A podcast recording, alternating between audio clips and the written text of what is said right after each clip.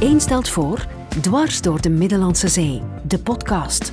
Unieke verhalen uit het reisdagboek van Arnoud Hoube. Mijn naam is Arnoud en ik hou ongelooflijk veel van reizen. En het liefst van al reis ik zo simpel mogelijk. Met een rugzak aan en een paar wandelschoenen. En als het even kan, met een paar vrienden erbij.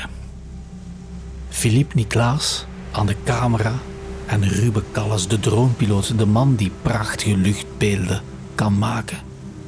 Het is met die twee vrienden dat ik vorige week op een groot avontuur ben vertrokken, want samen met hen ga ik de Middellandse Zee doorkruisen. Van west naar oost, van Gibraltar naar Jeruzalem, over de eilanden van de Middellandse Zee, moeder van alle zeeën, Mare Nostrum.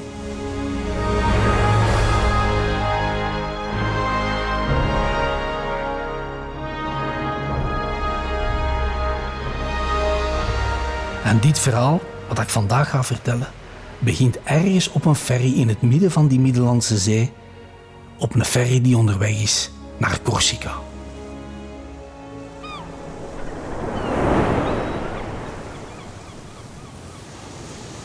En ik ga er onmiddellijk al een keer mijn dagboekfragmenten bij halen. En het eerste wat opvalt als ik ze bekijk, als ik ze probeer te lezen, is dat mijn handschrift bijzonder slordig is. Het zijn echt kattenpoten, gelijk ze vroeger zeiden. Maar ik zal toch de eerste zin lezen. En de eerste zin is: Ik kan niet slapen. Het stinkt hier. Nu, een reis naar Corsica had ik me wel heroïscher voorgesteld. Ruben, Philippe en ik hebben per abuus een eenpersoonskajuit geboekt. Bonjour, monsieur. Le 62-16. La suite royale. La suite, la suite. Ah, bien sûr. hè. Allez-y. Oh là là. Je klopt niet, hè? Comment on fait avec toi? Euh, je sais pas. Ik kan één ding zeggen.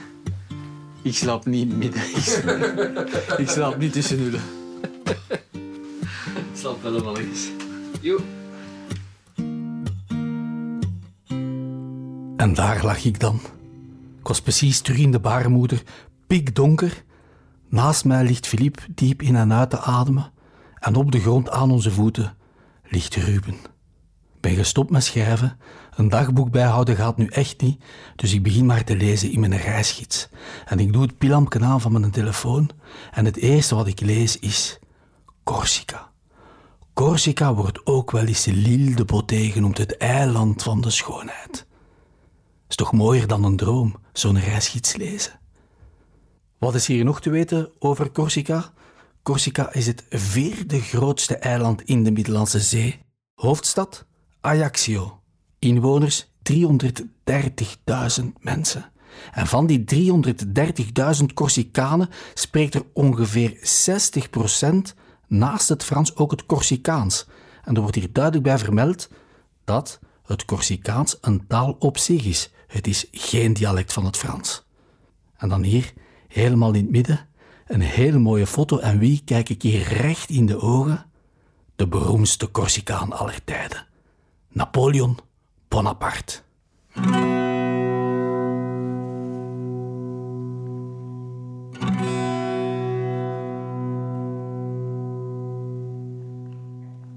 Ik moet dan toch in slaap zijn gevallen op mijn reisgids. Mijn gsm helemaal platgelopen, platte batterij. Maar eh, we werden wakker door hevig getoet. Getoet van onze ferry die aankomt in Corsica. En dan lopen, lopen, lopen naar het dek. Want die toeter begon met, met kortere stoten te toeten. Dat wil zeggen, ja, haven, land in zicht. En net op tijd komen we daar op het bovendek van de ferry aan. Net op tijd om één, de zon te zien opkomen. Die dan tegen de einder, ja, de bergen, de indrukwekkende bergen van Corsica begint af te tekenen. Philippe, dat is toch echt machtig, jong, als je die bergen hier uit de zee ziet reizen.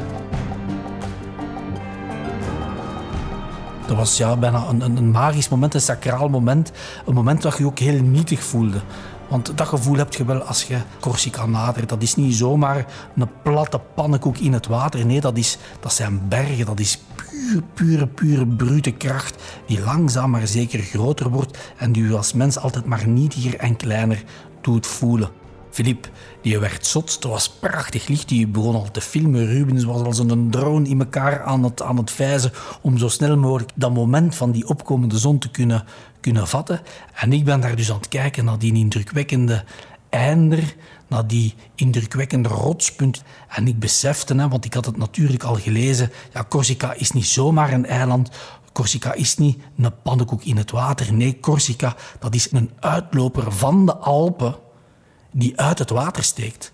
want je moet je voorstellen dat de Middellandse Zee een badkuip zou zijn waar dat een toppetje zou inzitten en je zou dat toppetje uittrekken en het water van de Middellandse Zee zou langzaam weglopen. Dan zou het gezien, als je dat dus puur geologisch bekijkt, ja, dat je de Alpen ziet die, ja, die, die een streep trekken door Europa en dat die eigenlijk ja, onder de Middellandse Zee een stukje verder lopen en dat die nog ene keer komen piepen ter hoogte van Corsica. Het eiland Corsica is gewoon een berg die uit het water steekt. En vandaar dus ook dat die Corsicanen, die dat ze ook wel eens de Norsicanen noemen, Norse mensen, ja, dat is eigenlijk veel meer een bergvolk dan een zeevolk.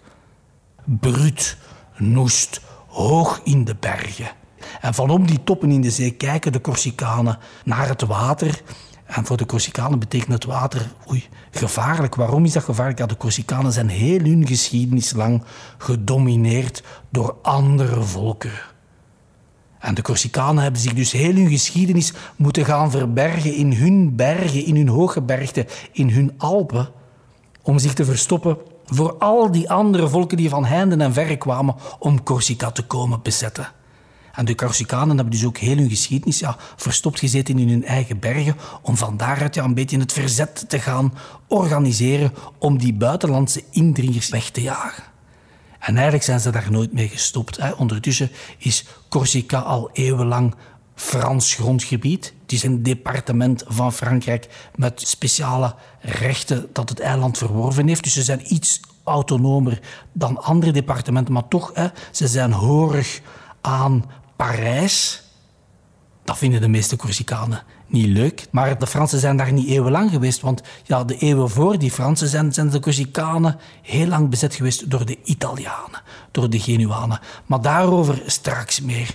Nu nog even genieten van die ongelooflijk knappe bergen, die nu altijd maar groter en groter en groter worden. En de zon begint nu langzaam te draaien.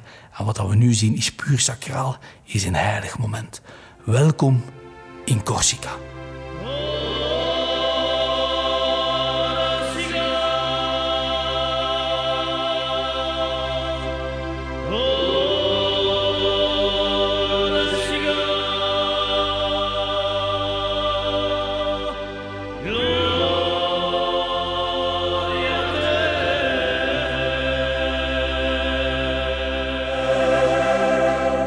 Het is nog heel vroeg in de ochtend. We zijn in Bastia en de dag begint met het kopen van een picknick op de markt. Bonjour. Zullen we zoiets meepakken voor de picknick? Heb je cash bij? Dat. Ruben, het is een moment, man. Ja. Amai. Dat smelt op je tong. Et ça va bien le business en Corse Ça dépend pour qui. On n'a pas à se plaindre. Il y a mieux, mais il y a pire en fait. Il faudrait créer de- une certaine autonomie de la Corse, si cela est possible. Mais je ne sais pas si c'est possible. Et dans votre cœur, vous êtes nationaliste? Nous, nous so- nous sommes tous nationalistes dans l'âme. Politique, ça c'est dangereux d'en parler. Merci beaucoup. Passez une bonne journée. Et merci beaucoup. Et vous avez de bons produits. hein. Merci. Bon travail.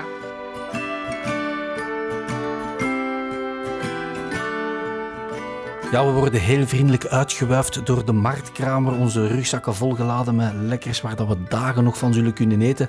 Maar je voelde toch als je met die marktkramer babbelde dat we daar een gevoelige snaar hadden aangeraakt.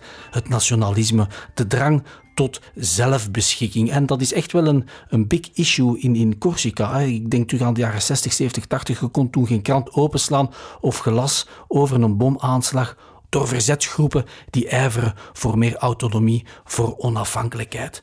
Maar is dat daar dan begonnen in de jaren 60, 70 en 80, die drang naar onafhankelijkheid? Nee, nee, nee, nee, nee. Dat begint veel vroeger. Want ondertussen Corsica 250 jaar onder Frans bewind.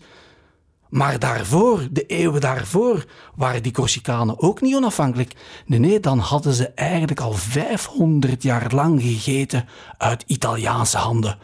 Uit de handen van Genua.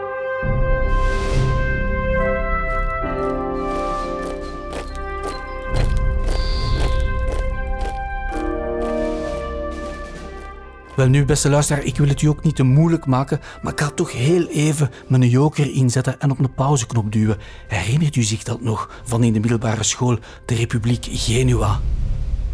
Een kleine stadstaat die toch ja, tussen de 11e en de 18e eeuw een van de tenoren is aan de Middellandse Zee. Ze zitten tot in de Krim, tot in Griekenland, Turkije, Oekraïne, Marokko, maar dus ook Corsica is op dat moment een gebied dat moet luisteren naar wat er in Genua wordt gezegd. En dat gaat allemaal goed, honderden jaren lang, tot het jaar 1729. Want dan mislukt de oogst op Corsica. De arme bevolking lijdt honger en honger is de saus van revolutie. En om dat te snappen, moeten we naar een klein dorpje in het noorden van het eiland. We moeten naar Calenzana. In 1732 breekt daar een ongelooflijk grote volksopstand uit. En eigenlijk zouden we kunnen zeggen tot op de dag van vandaag dat daar, in dat kleine dorpje Calenzana, het Corsicaanse verzet geboren wordt.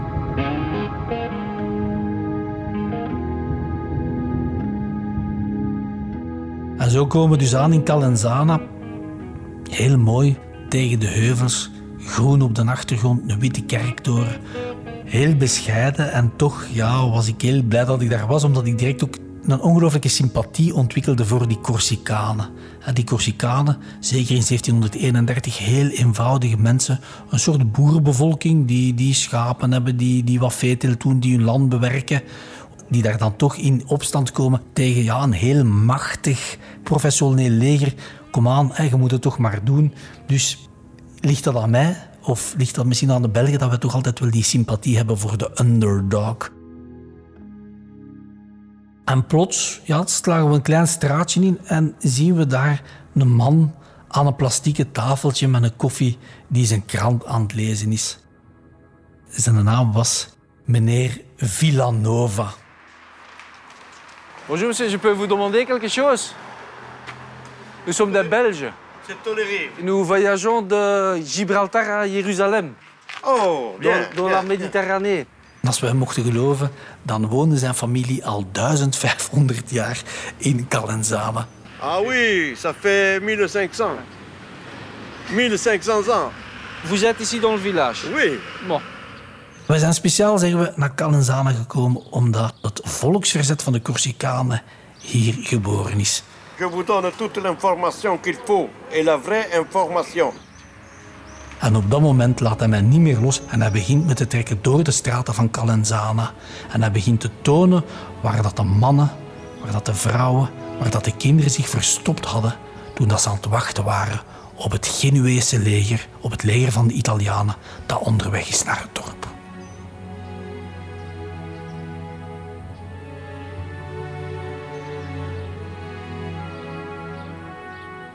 Là, par exemple, ils étaient cachés, là. Ouais. Alors, ils lâchaient les, abeilles là-haut, Ouais. sur la terrasse. Ok. Les abeilles tombaient sur l'armée. Et de là, ils sortaient les femmes avec les lances et les couteaux et les faucilles pour couper les jambes. Ils se battaient. Als ik één ding over meneer Villanova kan zeggen, dan is het wel dat hij bijzonder goed en eigenlijk ook wel een beetje geestig ja, het verhaal kon vertellen. En hij vertelde dus waar dat de vrouwen, de kinderen en de mannen zich ja, verstopt hadden, verschanst hadden om dat Italiaanse leger op te wachten. En de Calenzana, de inwoners van Calenzana, die gaan het Italiaanse leger kunnen verslaan. En hoe dat, dat gebeurt, ja, dat, is, dat, dat legt meneer Villanova uit. Hè. Sommige vrouwen hadden zich, hoe zeg je, op hun balkons verschanst en die goten heet water naar beneden over de soldaten. Eh, op dat moment ja, begonnen die soldaten te gillen, begonnen die te lopen. En wat was er dan gebeurd? Ja, dan zaten de kinderen in de kelderluiken klaar met ja, de zeisen van op het veld. hè, de spades, om dan in te hakken op de schenen van die soldaten. Dus dat was een van de guerrilla-technieken dat de dorpsbewoners toepasten. Wat gebeurde er op het moment dat die paniek ontstond? Stonden er andere mensen klaar in het dorp om hun koeien door de straten te jagen. En dan zag ik ja wel voor mij heel smalle straatjes, ja, een Corsicaans bergdorp. Ja, je wilt daar geen ja, hysterische koe op u zien aflopen. Zeker niet als je net ja, een klop hebt gekregen op je scheenbeen en een emmer warm water hebt over u gekregen. Dus ik benijd die Italiaanse soldaten toch niet die daar in een mooi kostuum waarschijnlijk staan hè, om die inwoners een lesje te leren. Dus die, ja, die zijn niet voorbereid op die technieken van die dorpsbewoners. Ja, als je het je zo voorstelt, al die paniek in die straten, dat moet toch wel echt geen cadeau zijn geweest voor die Italiaanse soldaten die daar, ja, denken een gewone veldslagje uit te vechten met die arme drommels. Nee, die worden daar echt wel ja, gepakt op inventiviteit, want zo kun je toch wel noemen op al die ja, dorpse guerrilla-technieken die toch heel pijnlijk zijn voor die Italiaanse soldaten. En dan komt de finale meesterzet, hè, want wat gaat de genadeslag toedienen aan die Italiaanse soldaten? Ja, dat zijn de bijenkasten. Wat hebben de bewoners van Calenzana gedaan? Ze hebben op hun balkons en op de daken van hun huizen al hun bijenkasten verzameld. En dus op een bepaald moment gooien de dorpsbewoners de bijenkasten op de straten, op de soldaten. En ja, het zijn de bijen van Calenzana die zodanig hard gestoken hebben dat het Italiaanse leger op de loop moet gaan en dat Calenzana victorie kan kraaien.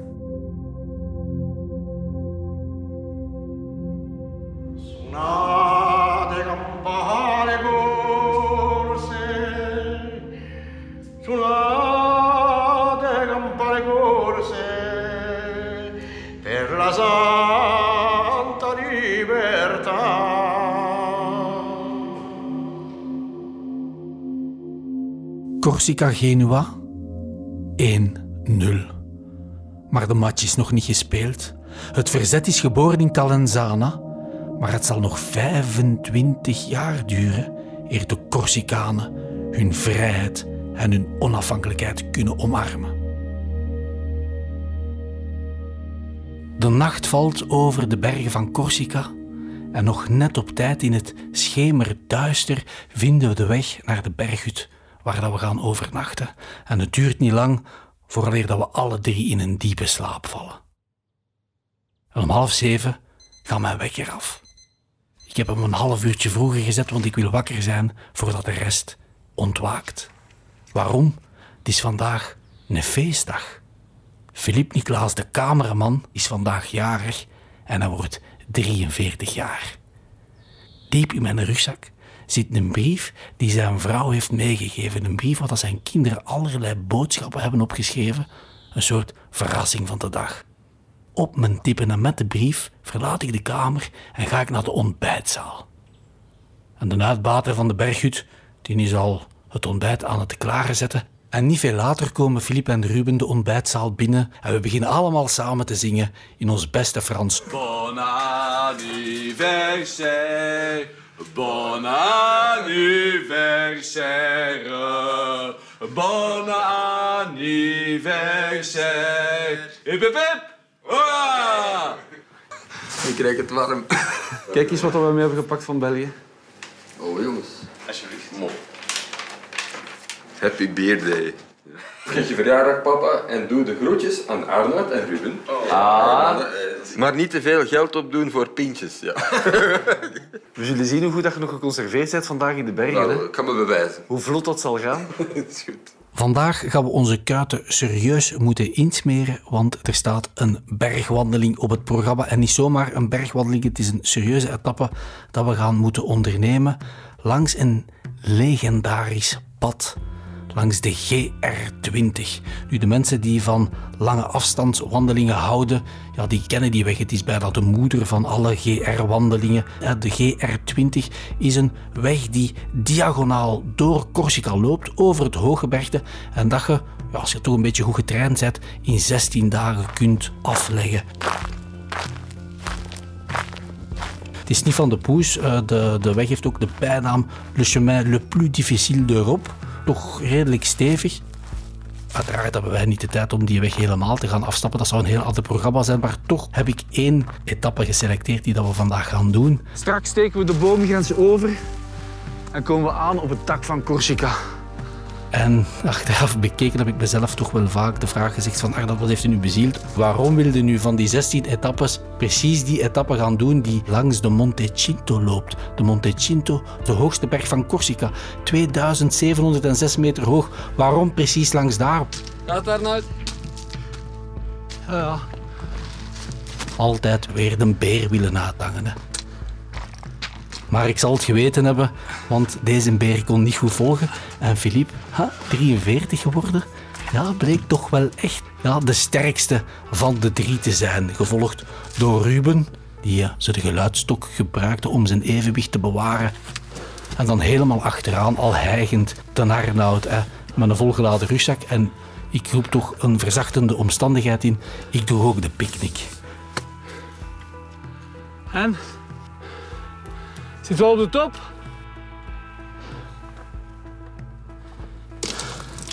Ik denk als we nu al een keer die picknick in mijn rugzak zouden opeten, dat dat hier minder zwaar zou zijn voor mij. Stijgen is afzien, maar je wordt betaald in cash van moeder natuur. Want het uitzicht dat we zagen als we boven de boomgrens uitstegen, was adembenemend. Voor ons een symfonie van rotspunten. Met in het midden de grote vierde top van de Monte Cinto.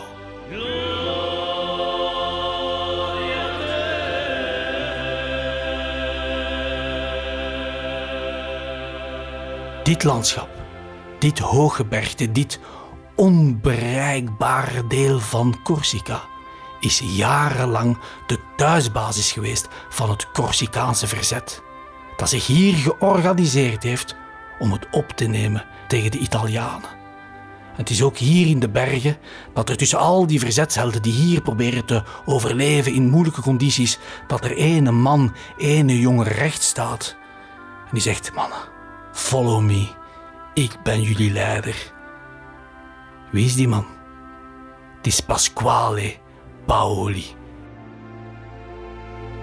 Prachtige naam. Het is ook een naam die verder leeft in het hart van elke Corsicaan, want Pasquale Paoli is de vader des vaderlands. En ik spiek even in mijn reisgids en ik lees, ja, Pasquale Paoli is geboren in het jaar 1725 en groeide op in een welgesteld gezin. Pasquale's vader was een dokter en hij kon zijn zoon naar school laten gaan. En Pasquale Paoli die doet dat goed op school en ja, die is eigenlijk ja, misschien wel voorbestemd om zijn vader op te volgen, maar nood breekt wet. Op een gegeven moment is het echt wel te veel op Corsica. Die Italianen die hangen het uit, die moeten weg. En Pasquale Paoli ja, die, die verruilt zijn, zijn rustig leventje in voor dat harde en noeste leven in de bergen. Samen met al die andere jongens die kiezen voor de wapens voor het verzet. Het is net omdat Pasquale heeft kunnen studeren, ja, dat hij komt tot ongelooflijk vooruitstrevende ideeën. Pasquale heeft plannen met Corsica, want zegt hij, als we de Italianen kunnen verjagen, ja, dan, dan, dan moeten we niet zomaar onafhankelijk worden, maar dan moeten we misschien zelfs een stap verder gaan. Dan moeten we een soort modelstaat oprichten. Ja, en iedereen hangt tot laat in de avond rond de kampvuren in de bergen aan de lippen van Pasquale Paoli.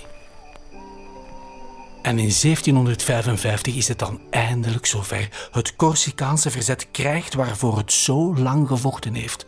Een onafhankelijk Corsica. Het is gelukt. En wie wordt de eerste president van de Kersverse Republiek?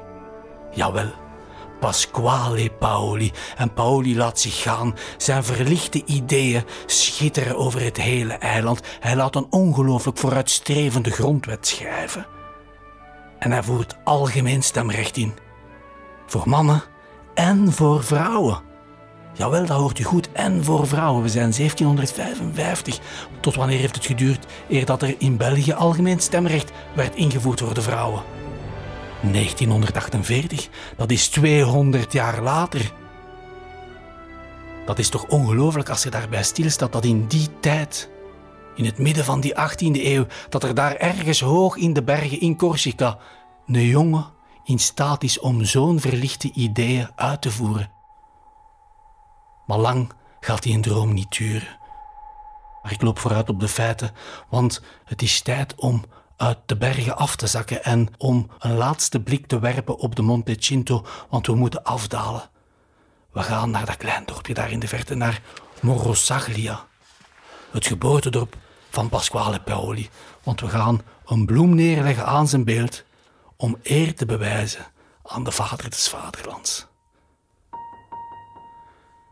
En terwijl ik onder het beeld sta, kijk ik de held aan en ik voel de tragiek door het marmer stralen. Want Paoli zijn droom heeft maar 14 jaar geduurd. 14 jaar een model staat, 14 jaar vooruitstrevendheid en verlichte ideeën spatten uiteen als de koning van Frankrijk zijn leger stuurt naar Corsica en Corsica verovert. Ja, de rest is geschiedenis, want de Fransen zitten hier nog altijd.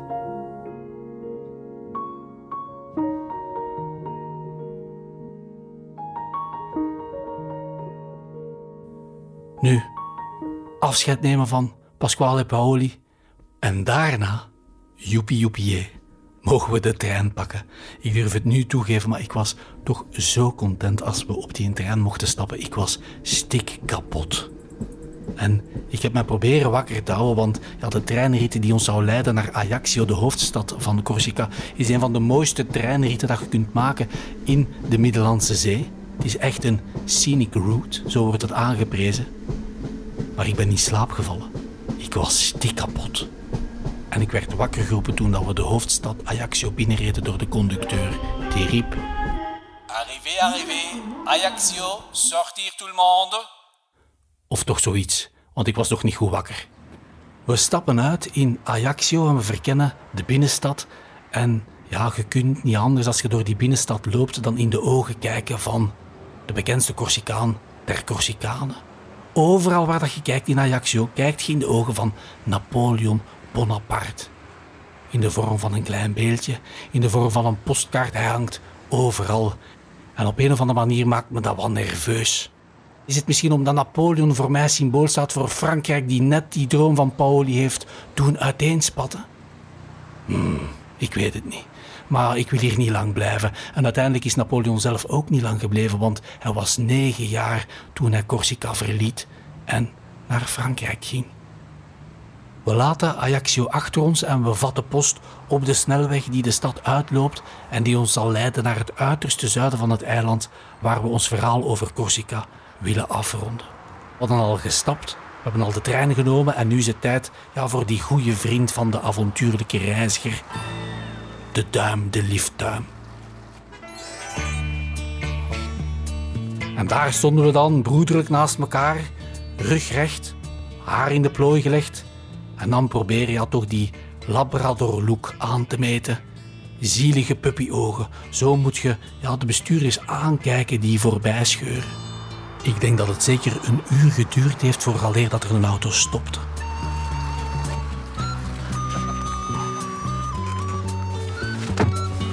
Merci beaucoup. Wat een goed gevoel. Eindelijk kunnen we inzetten en we zitten op de snelweg. En nadat we kennis gemaakt hadden met de chauffeur en een beetje geklimatiseerd waren in de wagen, ja, dan plooide ik mijn kaart open en ik toonde aan de man een klein dorpje dat niet zo ver weg van de snelweg lag. Alors, Monca Croce, Monca Croce. Tu connais un peu ce village Oui, c'est en haut à gauche. Merci beaucoup. Het gezicht van de man verkrampte wat, want ook hij moet het verhaal van Mokka Croce gekend hebben. Ja, ik moet nu even terug de tijd ingaan, even op pauze duwen. Ik neem u even terug mee naar België toen ik de reis aan het voorbereiden was en ik ja, allerlei archieven van Corsica aan het doorsnuisteren was. En toen was ik gevallen op een reeks artikelen uit het jaar 1954 die een reeks moorden beschrijven ik kwam erop uit dat in Mocca Croce de laatste bloedwraak uit Corsica heeft plaatsgevonden. Bloedwraak? In Corsica is bloedwraak niet iets typisch Italiaans? Ja, dat is iets typisch Italiaans, maar dat is ook iets typisch Corsicaans. Omdat de Corsicanen ja, in hun drang naar zelfstandigheid en zelfbeschikking ja, heel vaak in hun geschiedenis ook het recht in eigen handen hebben genomen. En daaruit is dus ook die traditie van bloedwraak ontstaan. Oog om oog, tand om tand, bloed om bloed, moord om moord. We zitten terug in de auto op de snelweg naar het zuiden van Corsica, maar nu begrijpt je tenminste beter waarom het gezicht van de bestuurder zo verkrampt is bij de woorden Mocca Croce. Maar wij zijn met drie, hij is alleen. Wij zijn in de meerderheid, dus de man kan bijna niet anders dan de kleine omweg te maken. En niet veel later zet hij ons af op het marktplein van Mocca Croce. Grand merci. Au revoir, monsieur. Hey, merci pour toi. Au revoir. Bon courage. En ik zie direct daar tegen de kerk een aantal mensen samen zitten. Drie vrouwen, een man en wat kinderen die aan het spelen zijn met een step. Bonjour. Nous sommes des, nous sommes des Belges. Ah, des Belges, alors Bonjour, bonjour madame. Comment allez-vous Bonjour. Bonjour monsieur, comment allez-vous Très bien, très bien. Oui, nous faisons un reportage. En ik zeg gewoon, heel eerlijk en recht voor de raap, dat wij naar daar zijn gekomen omdat we hebben gehoord dat de laatste bloedwraak daar heeft plaatsgevonden. C'est vrai, ça qui raconte. Non, non, C'est ça, vrai. c'est des choses qu'il ne faut pas raconter. C'est trop récent. Pas possible.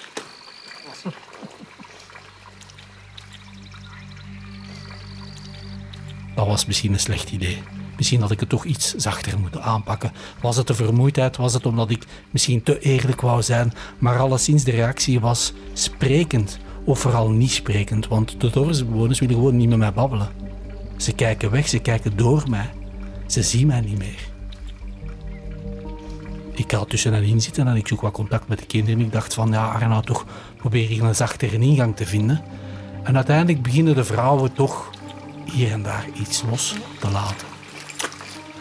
Euh, Lorsqu'il reste des membres de la famille, c'est délicat quand même d'en reparler. Ja, ja, zeggen ze, de laatste bloedwrak heeft hier plaatsgevonden, maar we hebben niet graag dat je daarover spreekt. En zeker niet dat vreemdelingen naar hier komen om, om, om die oude wonden nog eens open te rijden, want het ligt nog allemaal heel gevoelig in het dorp, want de families wonen hier nog. Ah, de families wonen hier nog?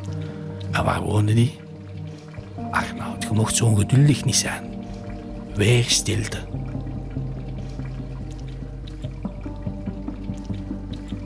Maar gelukkig neemt nu de man die naast mij zit het gesprek over. On a été tous traumatisés. Hein.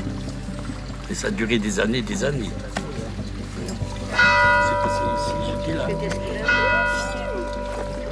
Ik was erbij in 1954, ik was toen 12 jaar. Ik heb het allemaal zien gebeuren. En dan staat hij recht en de man stapt weg. Niks aan te doen. Ik neem zelf ook afscheid van de vrouwen op het plein en ik stap verder het dorp binnen. Dat er verlaten bij ligt, niemand te zien, rolluiken naar beneden. En dan, als een soort godsgeschenk, is een van de kleine meisjes die op het plein aan het spelen was, ons achterna gelopen. En ze doet teken, ze doet teken van, hé, volg mij. Het is dat meisje dat ons brengt naar het huis van een van de getroffen families van de bloedwraak van 1954.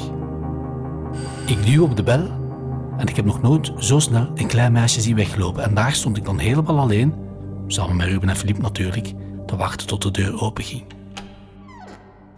Ik keek recht in de ogen van een heel lieve, mooie, charmante madame. Het waren de ogen van Annick Penier. Bonjour madame. Bonjour. Enchanté, moi je suis euh, Arnaud. Ça c'est Philippe, ça c'est Ruben. En Annick laat ons binnen en ze zegt tegen ons: Jongens, zet jullie, ik zal een kop thee zetten. Ik ga jullie het verhaal vertellen van wat er hier gebeurd is in 1954. Het verhaal van de laatste vendetta, van de laatste bloedwraak op Corsica. En het verhaal begint met de broer van de grootvader van Annick, met Jules. Jules had een paar ezels in Mocca Croce. En op een dag waren die ezels, want zo zijn ezels, uitgebroken. En de ezels waren beginnen grazen in de moestuin van de beenhouwer van het dorp. Dat vond een beenhouwer niet plezant en er ontstaat een ruzie. En zo zegt Annick, zo beginnen de meeste vendettas. Met een banale ruzie over iets kleins. Maar Corsicaanse mannen, hevig, opgezet, die krijgen ineens rond zich een aantal toeschouwers van het dorp en dat verhit de gemoederen. En ze schreeuwen tegen elkaar. En waarom heb jij uw laten ontsnappen? Met een moestuin waar ik zo lang heb gezaaid en geploegd heb. En nu is allemaal kapot door uw stomme ezels. Kun jij niet kijken naar uw ezels? Wat zou die Jules gezegd hebben? Je bent zelf een stomme ezel, ga stomme beenhouwer, je maakt geen goede tekst. Hoe gaat zoiets? Maar iedereen staat erop te kijken. En de mannen worden kwader en kwader en de ruzie escaleert tot het moment dat de beenhouwer een klets geeft in het gezicht van Jules. En dan valt er stilte in het dorp.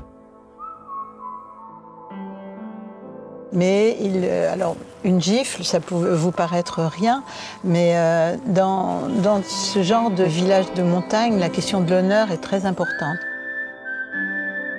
Ja, zegt dan niet een klets in het gezicht, dat is niet zomaar iets op Corsica. Een klets in het gezicht geven van iemand anders, dan vernedert je iemand. Jules, de man die zijn ezels had laten ontsnappen, was vernederd voor het volledige dorp. En dat kon hij niet verkroppen. Jules is naar huis gestapt. Hij heeft de la onder zijn bed opengetrokken. Daarin zat zijn geweer en hij is teruggestapt naar de beenhouwer en heeft niet getwijfeld, hij heeft geschoten. De beenhouwer van Moka Croce sterft. Nog voordat de familie van de beenhouwer zelf wraak kan nemen en Jules vermoorden, wordt Jules, misschien wel gelukkig voor hem, opgepakt door de gendarmerie. En ze brengen hem naar de gevangenis. En een paar jaar later zal Jules daar, in eenzaamheid, ver weg van zijn geboortedorp sterven. Maar Jules, die had nog één laatste wens. Ik wil begraven worden in mijn geboortedorp. Ik wil terug naar Moka Croce, alsjeblieft. En de familie van Jules zit in de kerk. De kist wordt naar buiten gedragen. Maar wie ziet die rouwstoet voorbij komen? Het is de familie van de beenhouwer. De broers en de neven, die zitten in het dorpscafé en die zijn al goed een drank ingevlogen. Oh, die smerige Jules in zijn doodskist. Ah, ze kunnen het niet verkroppen. En ja, de familie van de beenhouwer is, is ook naar huis gelopen en ze zijn ook hun geweren gaan halen. En ze zijn beginnen schieten op de rouwstoet. Oog om oog, tand om tand. Een inferno op het marktplein van Mocca Croce. Enkel geschreeuw en gekerm. En schoten. Schoten van wraak echoen door de bergen van Corsica. Annick was op dat moment een klein meisje en was thuis. Ze zegt dat ging door merg en been. Ik was negen jaar, maar dat gekrijs van mijn moeder, van mijn grootmoeder, ja, dat is iets dat ik niet kan vergeten. Vader is dood, vader is dood, werd er geroepen. En Annick begon te wenen. Ze dacht, oh, papa en mor, mijn vader is dood. Maar het was niet haar vader die dood was, het was haar grootvader. Het was de broer van Jules die de wraak niet overleefd heeft. En zo worden dus in dezelfde week twee lichamen van de familie van Annick te graaf gedragen. De twee broers, Jules en André, liggen tot op de dag van vandaag vredig naast elkaar op het kerkhof van Mocca Croce. Misschien toch niet helemaal vredig, want herinner u daarnet het marktplein, de bewoners die niet willen babbelen, het stilzwijgen, de pijn die tot vandaag doorleeft? Bijzonder. En toch, als ik naar Annick kijk, zie ik hoop. Want zij heeft het verhaal wel willen vertellen. Maar haar blik staat op vooruit, op de toekomst. Hopelijk, zegt ze, zal dat voor eeuwig en altijd de laatste bloedwraak zijn op Corsica. De avond valt. Annick biedt ons een laatste lift aan. We slapen nog één nacht op Corsica. En we worden wakker in Bonifacio. Bonifacio, het uiterste zuiden van het eiland. Een fiere stad op hoge krijtrotsen. Follow, follow the sun. En daar kijken we uit op ons volgende verhaal. We kijken uit op de zee die ons naar Sardinië zal brengen.